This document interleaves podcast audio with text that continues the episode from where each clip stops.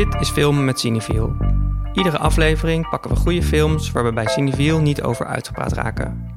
Films die gedachten oproepen en anekdotes bovenhalen en die ons weer aan andere films doen denken. Vandaag hebben we het over Rotter Himmel, een Duitse nazomerfilm over een ongemakkelijke vriendenvakantie aan de Baltische Zee.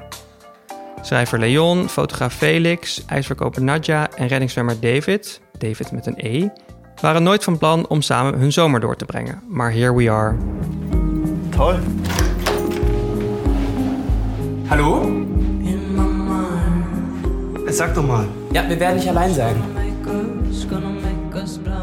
Vooral Leon baalt ervan dat extra mensen zijn komen aanwaaien op zijn logeeradres in Noord-Duitsland. Terwijl de rest gezellig met elkaar bezig is, probeert hij zich te concentreren op zijn tweede boek. Zwemmen, het dak repareren, zich zorgen maken om de bosbranden dicht bij het vakantiehuis. Nee, daar heeft de gepijnigde auteur Leon echt geen tijd voor. Schon fertig mit der Arbeit? Die ist ja nett, die Nadja. Ja, sie macht sich Sorgen. Worüber macht die sich dann Sorgen? Wegen der Waldbrände. Asche! Asche! In deze aflevering van Film met Cineviel duiken we dieper in de wereld van Roter Himmel. We bespreken het werk van regisseur Christian Petzold en zijn rol in het Duitse realisme. En we hebben het over de zin en onzin van kunst in tijden van klimaatcrisis. Mijn naam is Jesse Heijnes en ik ben redacteur bij Cineviel. En naast mij aan tafel zitten mijn collega's Jente Buskus en Maan Milker. Hallo. Hallo, welkom Jente en Maan. Goedendag. Ja. Goedendag. Ja, we hebben een, een Duitse film in de podcast. Volgens mij is dat de allereerste keer. Nee. Oh, Nee, der, der Golden Handschuh. Oh, ja. ja. Der Golden Handschuh. Ik weet wat was dat ook? Dat was ho- Van. Fatih Akin. Ja, dat was een film waar de meningen nogal over waren verdeeld binnen het team. Oh ja. Dat eigenlijk de mannen van het team vonden het te vrouwenvriendelijk. Oh, de dat- vrouwen van het team vonden het juist een soort van chill realistisch. Zo van dat, dat je er ook een verhaal mee vertelt. Dus eh, ja, luister die podcast vooral terug. Ja, oké. dus Het was echt een van onze eerste podcasts. Echt nummer zes of zo. Volgens mij, nu ik zo over nadenk, een succesvolle, ook qua luisteren. Mensen vonden het leuk dat we het niet met elkaar eens waren. Ja, klopt. Ja, misschien Moeten we dat weer eens doen. Ja, Ja. ja. Eh, Oké, nou, dan gaat mijn hele opening. Maar ik dacht van, we hebben het niet vaak over Duitse film, laat ik Nee, het zo zeggen. ja, het is vaak, ja, ja. Nou ja, Amerikaans, misschien uit Dat Japan. was ook alweer eh, jaren geleden. Hè? ja, Dus, precies. eh, Voor corona. ja. Ehm, dus ik voel me af, als ik zeg Duitse film, waar denk, waar denk je dan eigenlijk aan? Aan Das Leben der Anderen. Hmm. Omdat ik op de middelbare school gewoon iedere keer bij ieder vak, als we dan, als er dan een docent Als de docent uitviel het of niet zo, meer wist. ja, dan gingen we die film kijken. Dus ik heb hem denk ik in die zes jaar echt iets van vier keer gezien bij geschiedenis, bij Duits. Oscar winnende succeshit film. Ja, ja. En jij, Jente, Duitse film, heb je, wat, wat- heb je iets mee? nou, ik denk nu meteen aan Christian Petzold. Mhm. Want ik zit daar helemaal in. Na het zien van deze film eh, heb ik ook meteen nog twee andere van hem gekeken. En wil ik het liefst al zijn films kijken. Eh, want ik had, ik had ook inderdaad niet... Het is niet een cinema die echt op mijn radar staat of zo. Ehm, en ook die denk ik in Nederland gewoon net wat minder aandacht krijgt bij het grote publiek dan bijvoorbeeld Franse film of, eh, of zelfs Italiaanse misschien. Eh, dus ik associeerde Duitse film ook heel erg inderdaad met oorlogsfilms, eh, geschiedenis, Duits lessen, waarbij we dan. Oh, bij Duits keken we ook nooit gewoon een gewone Duitse film. Eh, alleen maar. Alleen maar Dat is Leven der Anderen. Ja. Of een andere. Gewoon een punt. Ja. Alleen maar die film. Er was één DVD en daar moesten we het mee doen. Ja. Ja, Dus eh, ik vind het wel heel leuk dat deze film ook echt een soort van mijn blik heeft Ja. geopend. Naar de wondere wereld van Duitse film. en Ja. wat heeft eh, Christian Petzold nog meer gemaakt? Best wel veel. Hij is echt zo'n typische productieve maker die echt een aantal jaar achter elkaar gewoon ieder jaar een film eh, heeft gemaakt. Maar zijn debuut was in 1995. Wat ik las was dat hij, eh, eh, zeg maar als jongen, als twintiger of zo, moest hij zeg maar militaire dienstplicht vervullen. En dat heeft hij toen gedaan bij een filmhuis. En ik heb een beetje het idee dat hij op allerlei verschillende manieren eh, vanuit allerlei verschillende kanten, ook meer vanuit filmtheorie. En dat hij zo bij het filmmaken terecht is gekomen. Dus dat het iets minder maker is die heel erg eh, ja, zo'n vast stramien heeft gevolgd van filmopleiding en dan dit en dat. Het is gewoon iemand die daar al veel meer in zat. En in 1995 heeft hij zijn eh, debuutfilm gemaakt als een korte film, Pilots. En eigenlijk vanuit vanaf 2000 heeft hij ieder jaar, iedere twee jaar heeft hij een film uitgebracht. Ja. En dat zijn vaak wel films die best wel realistisch zijn. Ze spelen zich af in verschillende tijden. Ook spelen ook met eh, ja, dat idee van in welke tijd leven we eigenlijk? Over welke tijd gaat dit verhaal? Is het iets hedendaags? Is het iets wat een soort van verder doorklinkt in de geschiedenis? Het is echt zo'n graag geziene gast op het filmfestival van Berlijn. Er Mhm. zijn, heeft twee premières gehad in Venetië, geloof ik. Maar voor de rest is het echt gewoon alleen maar Berlijn. Berlijn, Ja. Berlijn. Ik moet zeggen, hij is wel... Het is echt iets van zes keer genomineerd voor de Gouden Beer, maar hij heeft het niet gewonnen. Dat vind ik dan ook wel Oh. altijd een beetje... eh, ja, een beetje het Leonardo DiCaprio eh, effect eh, met de Oscars, Ja. zeg maar. Dat ik denk dat het niet heel lang duurt voordat hij dat wel gaat winnen. Gewoon omdat Gewoon omdat zo hij, zijn van ja, we moeten. Moet een keer. Ja. Ja. Maar zijn acteurs wel, toch? Zeg Ja, maar, en ook Ja. hij zelf en, wel, het Zilveren Beer, zeg maar, voor beste regisseur Ja. en zo. Weet je, dus hij is niet, hij mag niet klagen, vind ik. Nee. Maar ik denk dat Barbara uit 2012, dat dat zijn eh, bekendste film is. Die heb jij gezien, toch, Jesse? Ja. Ik heb die niet gezien. Ja, het speelt eh, inderdaad vlak voor het einde van de DDR. Het gaat over een vrouw die eh, wil van oost naar west, maar haar verzoek wordt afgewezen en dan wordt ze volgens mij voor straf ergens in een ziekenhuis geplaatst. En haar partner bereidt dan een ontsnappingspoging voor, voor voor haar, maar zij wordt verliefd op een arts in dat ziekenhuis. Dus het gaat heel erg over van, oké, die tijd wordt neergezet, maar zonder, zo- zoals dat leven der anderen doet, heel erg met sets en grote steden waar je dan in komt. Dan krijg je een soort van toekomst, een soort van een beeld van hoe de DDR toen was, maar meer van, oké, het speelt zich in, af in een bos, in een klein ziekenhuis. Het gaat veel meer om het gevoel dat je krijgt als je ja, leeft in de DDR terwijl je er eigenlijk niet wil zijn. Een soort van, Ja. ook de, de paranoia, wat ook in dat leven der anderen zit op een hele andere manier. Ja. Eh, dus inderdaad wel over geschiedenis, maar inderdaad veel kleiner en realistischer dan... Ja, dat is alleen maar de andere, wat er ook een beetje soort showy Mhm. voor mijn gevoel was. Ja, dat is gewoon een heel ander genre voor mijn gevoel. Ja. Inderdaad, veel meer met ja, gewoon iets meer opsmuk. Ook al is het ook heel realistisch, zeg Ja. maar. Maar ja, ik denk dat zijn films over het algemeen wel, ook al heeft hij dus heeft hij te maken met mythologische kar- karakters, zoals in Undine, wat gewoon gaat over een soort zeemermin. Eh, zelfs dan is het echt super realistisch Ja. en eh, speelt het zich gewoon af in de straten van Berlijn. Ehm, en eh, is het gewoon ja, heel, erg, heel erg tastbaar. Mhm. En juist dat past denk ik wel binnen een bredere traditie van Duitse cinema. Dus misschien is het wel leuk om het daar even over te hebben. Want het is niet, weet je, wel in wij kunnen nu natuurlijk. We hebben net niet heel erg goed dingen kunnen noemen of zo. Maar als je er eventjes wat titels bij haalt, dan denk ik wel dat veel mensen het wel gewoon dat ze denken van oh ja. Dus bijvoorbeeld eh Das Kabinet der Dr. Caligari, Mhm. weet je wel, uit 1920. Een soort van mensen die ooit 20 films from the history of Ja, film you should boek, know. weet je. 1001 movies you have to see before Ja. you die hebt. Ja, dan, ja. dan eh, komt hij er altijd wel voor. Hetzelfde geldt voor eh, Metropolis van eh, Frits Lang. Eh, Nosferatu, ehm, die op allerlei verschillende manieren weer terugkomt. Waaronder in What We Do in the Shadows. Van... En binnenkort Oh, ja. een Robert Eggers film. Oh ja, En de SpongeBob. niet onbelangrijk.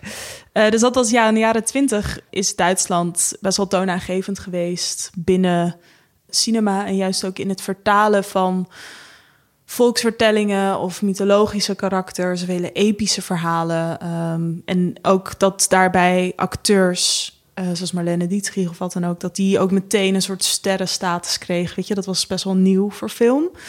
En eigenlijk toen was het, nou ja, de Tweede Wereldoorlog is geweest, het land ligt in puin.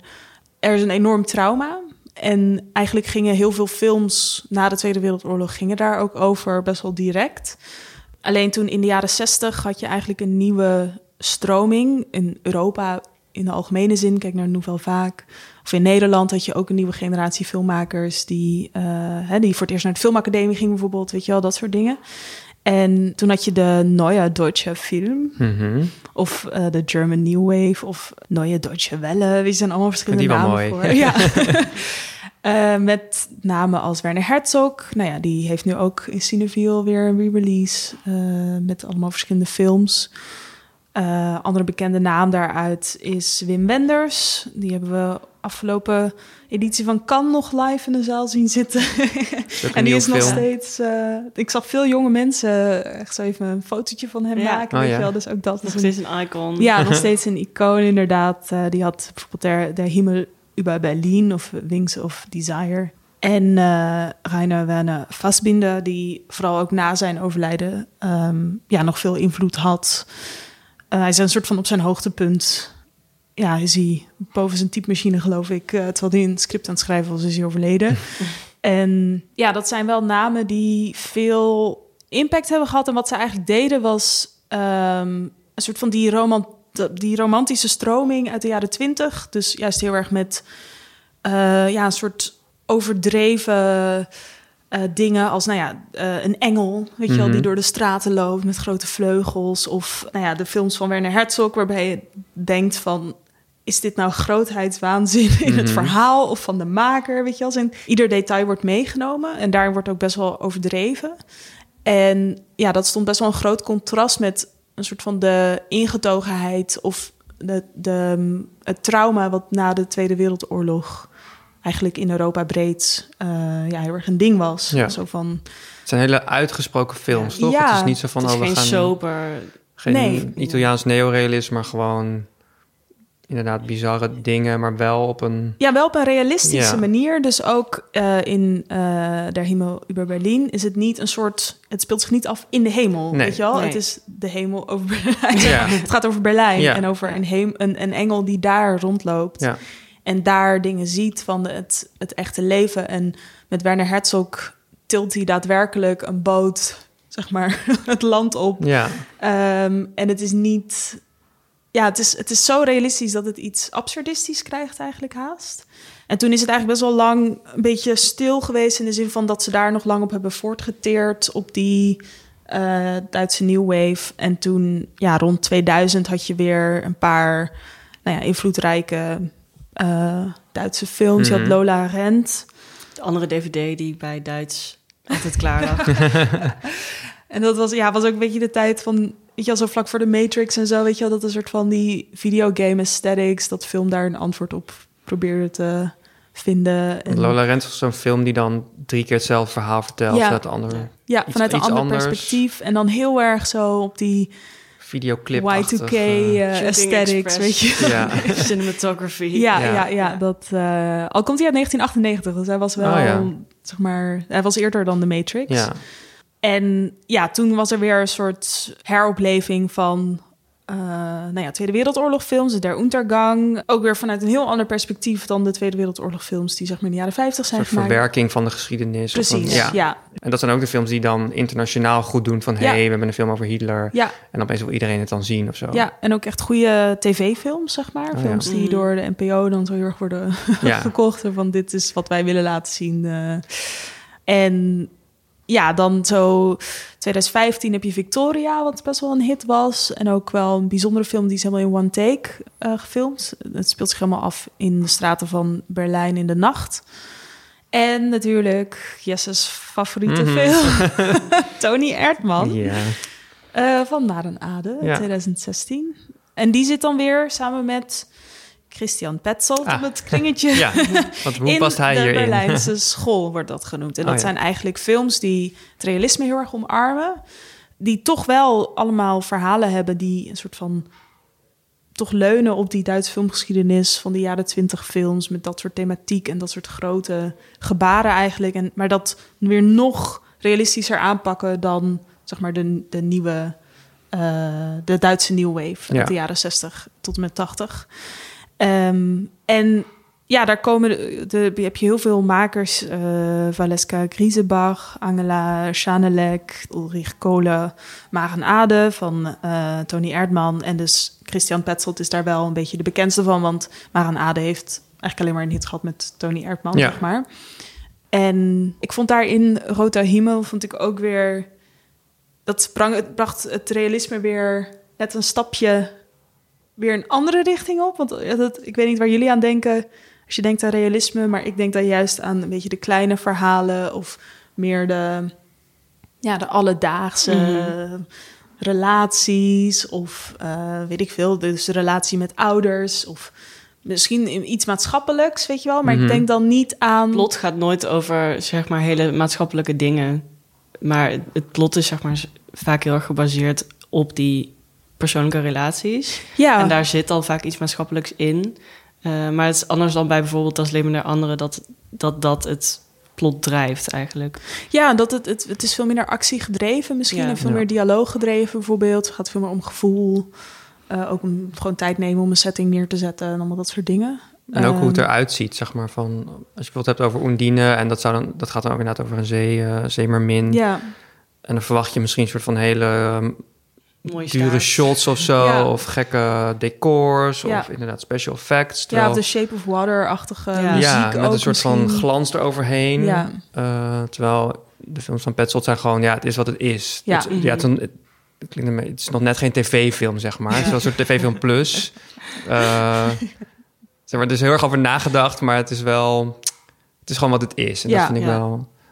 Ja, de Eh. score bij Undine is ook gewoon een stuk van Bach of zo. Dat Oh ja. niet, Het is niet Mhm. voor die film geschreven. Het is gewoon een stuk wat daaronder zit. Ja, Dat het inderdaad heel anders is dan The Shape of Water... waar je echt een soort van magische droomrit alleen al kan voelen... als je alleen maar naar die soundtrack luistert. Ja, ja en ik, ik vind dat wel eh, ja, interessant om te zien dat als je dus dat, weet je, dat begrip van realisme neemt, dat Rote Himmel, dat heeft ook iets in zich wat heel erg, zich wel heel erg leent voor een soort van actiefilms of heel erg, namelijk dat er een soort alles vernietigende bosbrand op handen is, weet je wel, woed. Ehm, want dat is een beetje een mythische aan, of, ja, aan deze film, toch? Van die, die Ja. bosbranden, het gevaar... klopt. De, de alarm eh, die je hoort van, van brandweerwagens, helikopters die overvliegen. Ja, ja. en Zit- eigenlijk ook de ontkenning daarvan. Dus Ja. in de zin van ja, dat gaat ons toch nooit eh, treffen. Dat betreft wel een mooie parabel voor hoe er, eh, nou ja, vanuit veel westerse landen waar het niet aan de orde van de dag is, zeg maar, zoals bijvoorbeeld wel in Pakistan of eh, in, in delen van de wereld waar het juist heel droog is, weet je wel, dat je dan toch denkt van ja, het gaat ons toch niet treffen of zo, weet je wel, of, of dat je dat je dan dat, je- dat mensen zeggen van ja, Nederland gaat toch nooit overstromen, want wij hebben juist al die dijken gebouwd Mhm. en zo. Snap je Ja. wat ik bedoel? Als in het is iets veel breders dan dat en het is ook iets wat ehm, zeg maar klimaatcrisis is juist iets wat pas aangepakt kan worden op het moment dat je een soort van accepteert dat het iedereen treft of zo. Want zo werken wij nou eenmaal als mensen. Een Ja. beetje van je moet zelf die noodzaak voelen. Ja.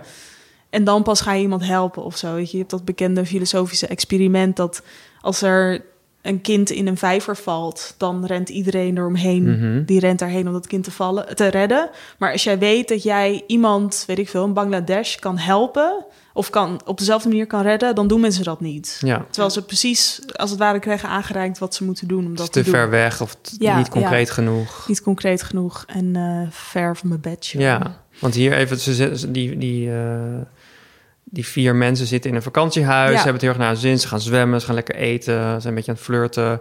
En maar om hen heen is wel van alles gaande met een brandweerwagen op het strand. Ja, En, en wat ik zei, de helikopters die overvliegen. En ze zeggen volgens mij letterlijk twee of drie keer van...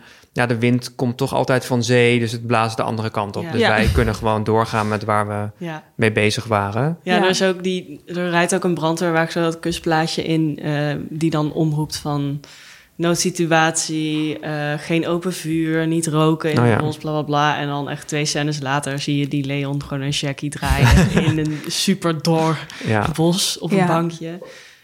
Maar hij gaat wel met zijn eh katoenen tote bags naar de supermarkt. ja, oh ja, In plaats als een van tasjes. plastic. ja, ja, ja. Maar dat, ja, dat vind ik dus interessant om te zien als je kijkt naar wat film dan zegt over de wereld waarin we leven. Mhm. Dat het realisme eh, steeds meer zal worden dat daarin een vorm van klimaatdestructie zit. Mhm. Ja, Dus ik bedoel, je hebt het al in heel veel, nou ja, bijvoorbeeld cinema van het Afrikaanse continent. Eh, we zagen het ook afgelopen tijd op Cannes. Banel en Adama waren naar de première geweest. Ja, daar is een dorp wat heel erg leidt onder droogte bijvoorbeeld.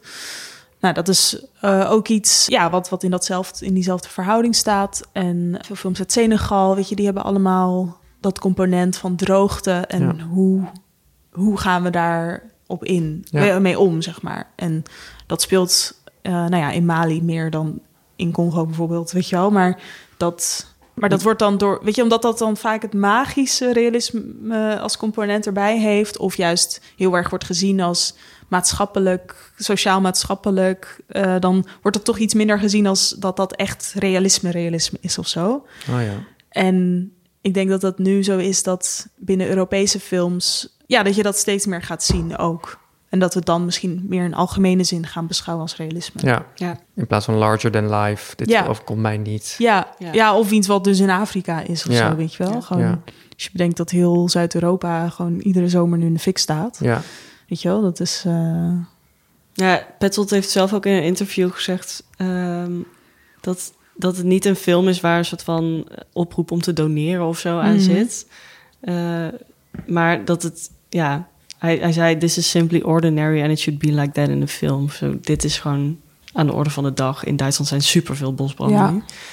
Eh, en dat zie je ook heel erg in hoe het in de film is vertaald. Het is niet, je ziet het ook nauwelijks. Het is niet super overweldigend of dramatisch of horror of ja, larger than life, wat je eigenlijk zegt, maar juist heel, ja, ja bos staat in de fik. Mhm. ja, en nu gaan we lekker eten. En nu gaan we lekker eten, ja. Goulash. Ja, of je ergeren aan de, aan de gasten. Ja. Ehm, ja, want in deze film is het vooral Leon die dat representeert. Hij is schrijver en uh, nou ja, hij is dus op vakantie, maar hij wil eigenlijk niet zwemmen. Hij wil niet gezellig eten. Uh, hij sluit zich een beetje af en vindt zichzelf duidelijk heel belangrijk. Het werk staat het niet toe nee, om te zwemmen. Om te zwemmen. Nee, hij moet echt aan het werk.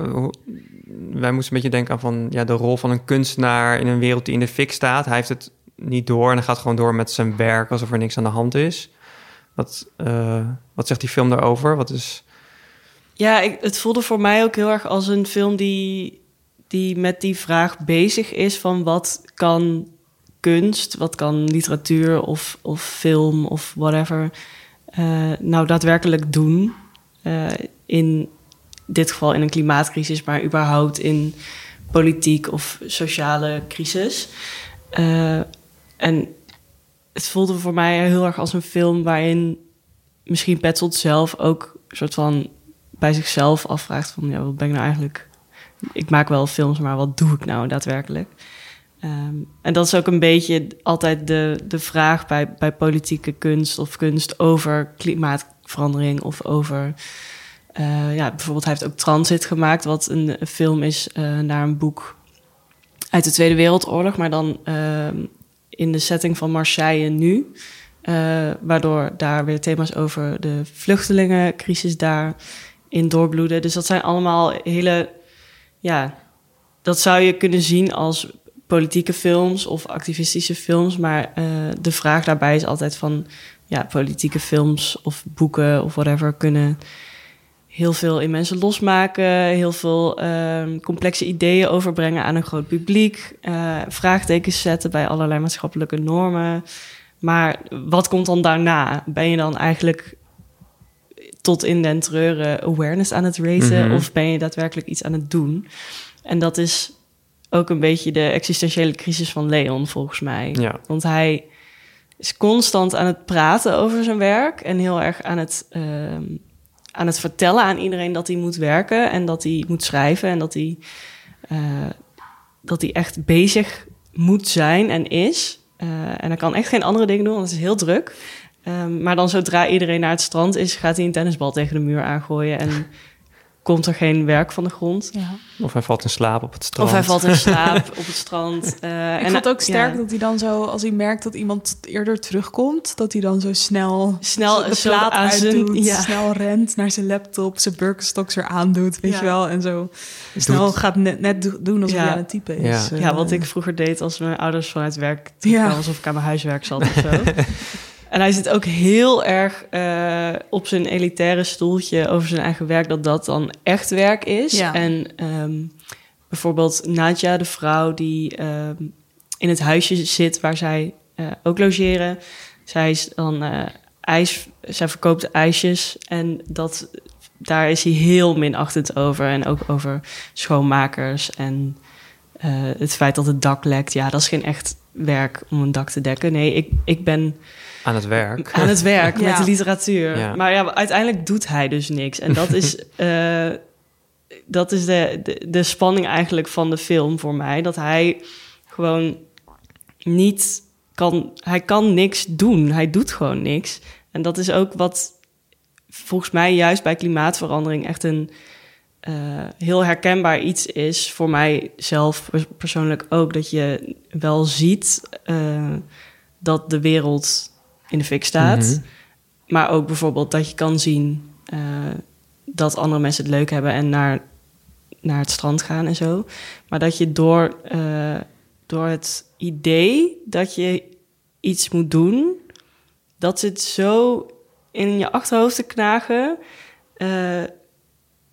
Dat het uiteindelijk tot een soort van non-productiviteit leidt. Je bent alleen maar bezig met het feit dat je iets moet doen, eh, waardoor je niks doet. En dat, eh, dat, dat zit bij Leon dan in zijn schrijven, maar eh, Petzold heeft dat ook over zichzelf gezegd als regisseur, van dat hij heel lang deed dat, alsof hij een soort van groot regisseur was die, die refereert aan de films voor hem en ja, heel, heel erg probeerde de rol van een groot regisseur te spelen. Eh, maar dat hij dat eigenlijk alleen maar deed als andere mensen keken. Eh, en, en dat het werk in de film van Leon is ook een soort van, ja, bijna een, een soort optreden of zo voor andere mensen. Eh, Heeft hij dat naar aanleiding van deze film gezegd? Of zei hij, had hij dat... eh, ja, dat ging wel specifiek over Ja. Himmel, inderdaad. Ja. En ehm, ja, hij, hij, heeft het ook over Duitsland als eh, ja, een soort van leuze dat Duitsland das Land der Dicht, Dichter und Denker is. Eh, een land vol met mensen die heel goed kunnen schrijven en heel goed kunnen nadenken, maar niet kunnen doen. Ehm, en dat, dat zit verweven in alles in deze film eigenlijk. Eh, en dat vond ik een hele, hele mooie, ja, eigenlijk realistische manier van eh, zoiets als een klimaatcrisis aankaarten zonder dat je een hele super activistische film maakt of zo. Ja. Ehm, omdat het ook meteen zichzelf bevraagt. Maar heeft het daardoor juist meer of minder impact dan bijvoorbeeld houten pipeli- pipeline, Ja, waarin een dus wordt vraag. gezegd van het is tijd om banden lek te gaan steken. En... Nou ja, ik denk Ja. dat het gewoon iets heel anders doet. Dus Mhm. zeg maar het ene, eh zeg maar houten blowen pipeline toont als het ware middelen die je kan inzetten om volgens zeg maar de filosofie van, weet je wel, van de mensen die het betreft om daar wat aan te doen, Mhm. concreet. En bij de andere laat het misschien beter invoelen dat werkt het misschien overtuigend in de zin van dit is iets wat speelt Mhm. deze klimaatverandering. Ja. Snap je? En natuurlijk, weet je wel, in, in dat verlengde van hoe kan je productief zijn, hoe kan je dingen veranderen, van ja, in hoe wij de maatschappij hebben ingedeeld, is het vaak juist zo dat mensen op verschillende gebieden daar wat aan kunnen doen, omdat mensen verschillende expertises hebben, Mhm. zeg maar. Dus eh bij wijze van spreken dat een kapper minder schadelijke haarlak gebruikt. Ehm, en eh, een journalist ervoor zorgt dat ze, weet ik veel, klimaatcrisis zeggen in plaats van klimaatverandering. Het- Weet je, dat soort dingen van ja, voor dat, dat maakt uit. Weet je, je moet het juist ook op je eigen leven toepassen, maar daarvoor moet je wel de urgentie voelen om dat helemaal door te voeren, als Ja. het ware. En ik denk dat, dat, dat zo'n soort van statementfilm als How to Blow Up a Pipeline, dat dat voor heel veel mensen niet werkt. Omdat ze dan juist denken van ja, ik ga dat dus nooit doen. Dus eh, ja. Laat ook eh, maar. Ja, Ja. Ja, ik denk ook dat het een misschien niet zonder het ander kan bestaan. Dus als jij eh, een film als How to Pipeline in een vacuüm ziet, eh, dan, dan dat activisme moet ergens een snaar raken waardoor je denkt dat dat wil ik ook doen of dat eh, vind ik ook belangrijk. En die snaar die creëer je met films als Roter Himmel die ervoor zorgen dat de problematiek invoelbaar wordt en, en realistisch voelt ook. Want Up a Pipeline is ook gewoon een, een thriller die af en toe larger than life Mhm. kan Ja. zijn. eh, waardoor je juist weer die afstand creëert tot het probleem. Dus de, die twee dingen zijn denk ik de hele tijd met elkaar in gesprek. ja.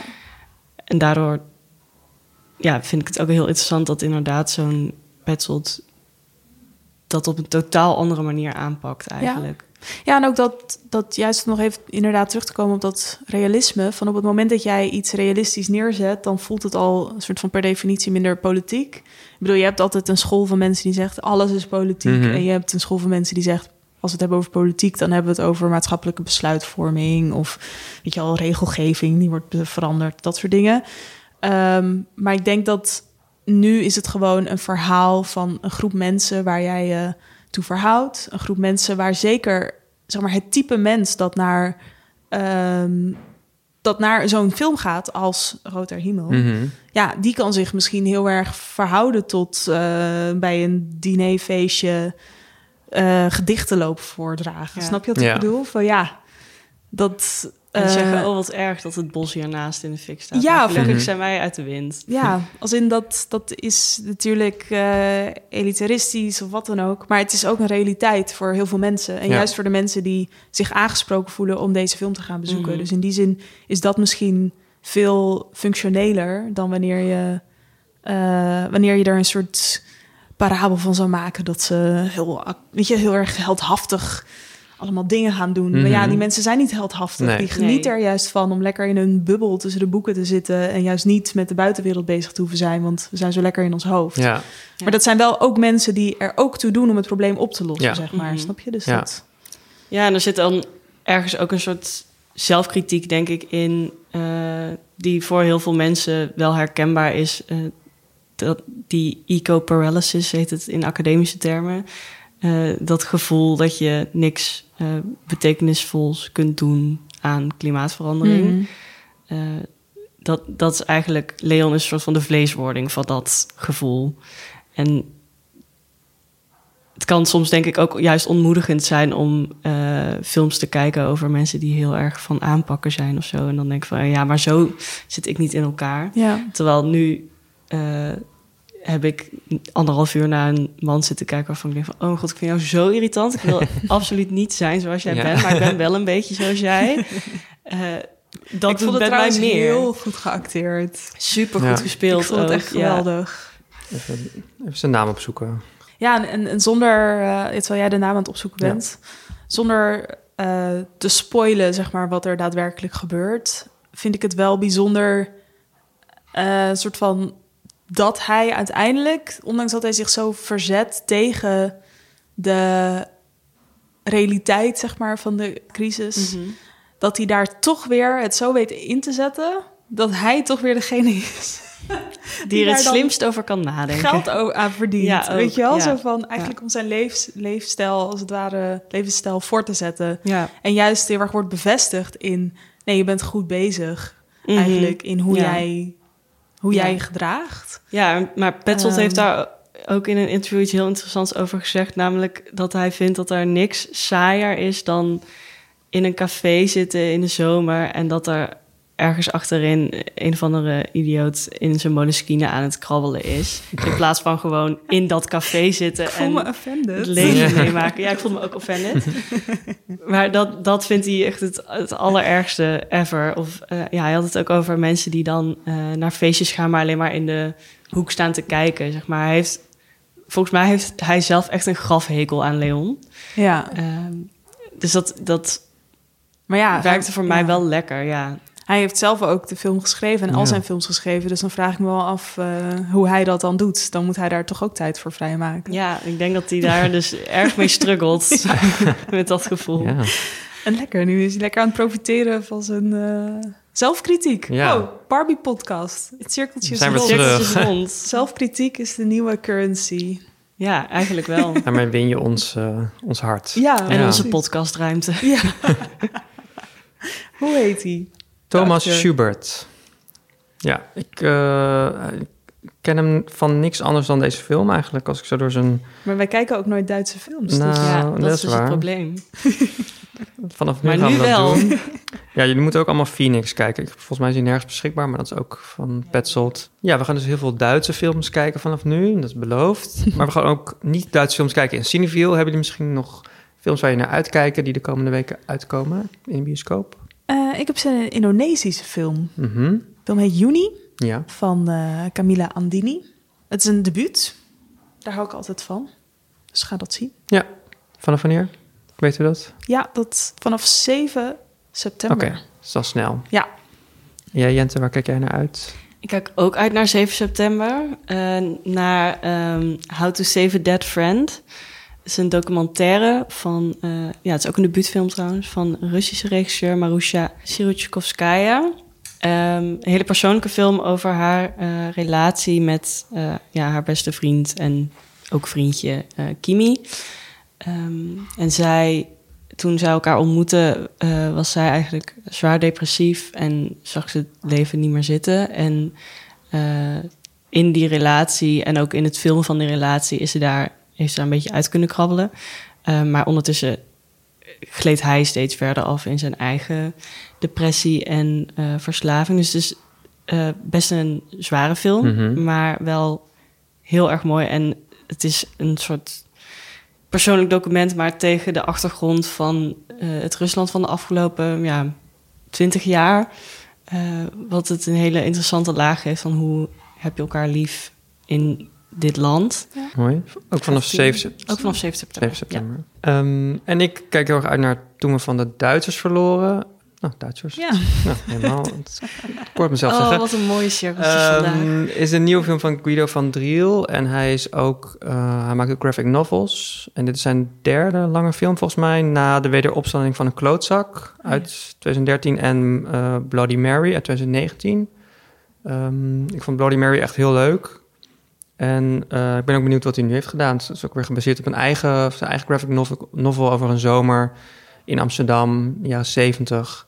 Eh, twee vriendjes die de zomer samen moeten doorkomen en ze zijn hun beste eh, vriendinnetje verloren. Dus het is een soort van een beladen moment, los van de verloren voetbalfinale van Duitsland. Ehm, Ik heb heel lang gedacht dat dit een oorlogsfilm was. Is het niet. Laat je niet gek maken. Het is vanaf Het is een 21 voetbalfilm. voetbalfilm, ja. Yes. In zwart-wit vanaf 21 september. Ja, Dat was hem weer. dat was hem weer. Film met Cineville. Uh, Rood door Himmel is nu te zien in Cineville. Wil je weten welke films er nog meer ter sprake kwamen? Check dan de show notes op onze website. En wil je op de hoogte blijven van wat er speelt, schrijf je dan in voor onze nieuwsbrief. Uh, wil je meekletsen of heb je vragen? Dan kun je ons altijd mailen op podca. Um, bedankt voor het luisteren en bedankt voor jullie aanwezigheid, Maan en Jente. Jij ook bedankt. Joep. Dankjewel. Tot de volgende keer. Doei. Doei.